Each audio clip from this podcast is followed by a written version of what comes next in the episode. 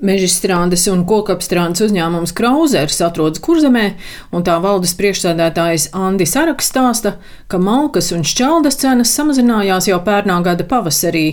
Cenas dažādos reģionos atšķiras. Dārgāk kurināmais maksā Kurzemē, kur atrodas ostas, Zemgalē un Pierīgā, lētāk Latgalē pirmie cenu kritumi jau notika pavasarī.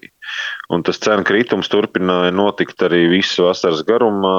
Augustā, septembrī viņš ieņēma tādu zināmu stabilitāti, un cenu kritums ir praktiski 35-45% apjomā. Ja runā par malku, tad malka varētu teikt pat ir ar uz pusi lētāka, kā bija pagājušā ziemā. Šķelda šobrīd svārstās no 17 līdz 20 4-5 eiro par kubikmetru. Un uh, malkai ir no 40 līdz 50 eiro. Atkal atkarīgs, kādas ir kvalitātes prasības un uh, kur ir piegādes vieta. Agita Kauliņa no Valmieras novada dzīvo privātmājā un kurināmā rezerves veido trīs gadiem, lai malka paspētu izžūt. Viņa malku vienmēr pērk pavasarī. Pagājušajā gadā mēs pirkām pa 28 eiro kubā saskaldītu malku. Šogad mēs pa 60 pirkām kāds 20 kubus mēs nokurinam. Nu, ja mēs šogad samaksājām 600, nu, tad pagājušajā gadā 280. Mēs jau tā tagad ļoti ekonomiski arī rīkojamies. Ja kurina plīti, tas ilgs viena istaba vēl, un otra divas istabas, ja mēs kurinam krāsni, tad uzreiz viņas arī silst. Un var jau paregulēt to kurināšanas apjomu. Bet ir kā ir. Labāk es maksātu dārgāk par malku nekā mums ir Ukrainas variants jāpiecieš. Meža apsaimniekošanas un kokrūpniecības uzņēmums Pata strādā vidzemē, kurzemē un pierīgā.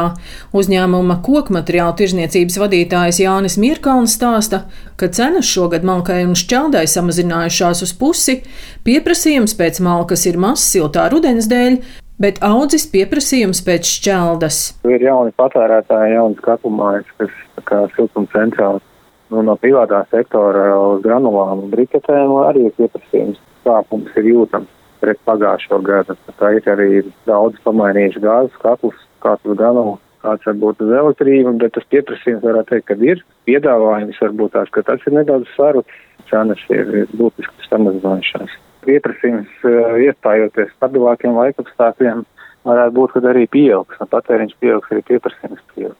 Nu, tā cenu dinamika, nu, es nedomāju, ka viņa kaut kur būtiski mainīsies. Varbūt ļoti nedaudz.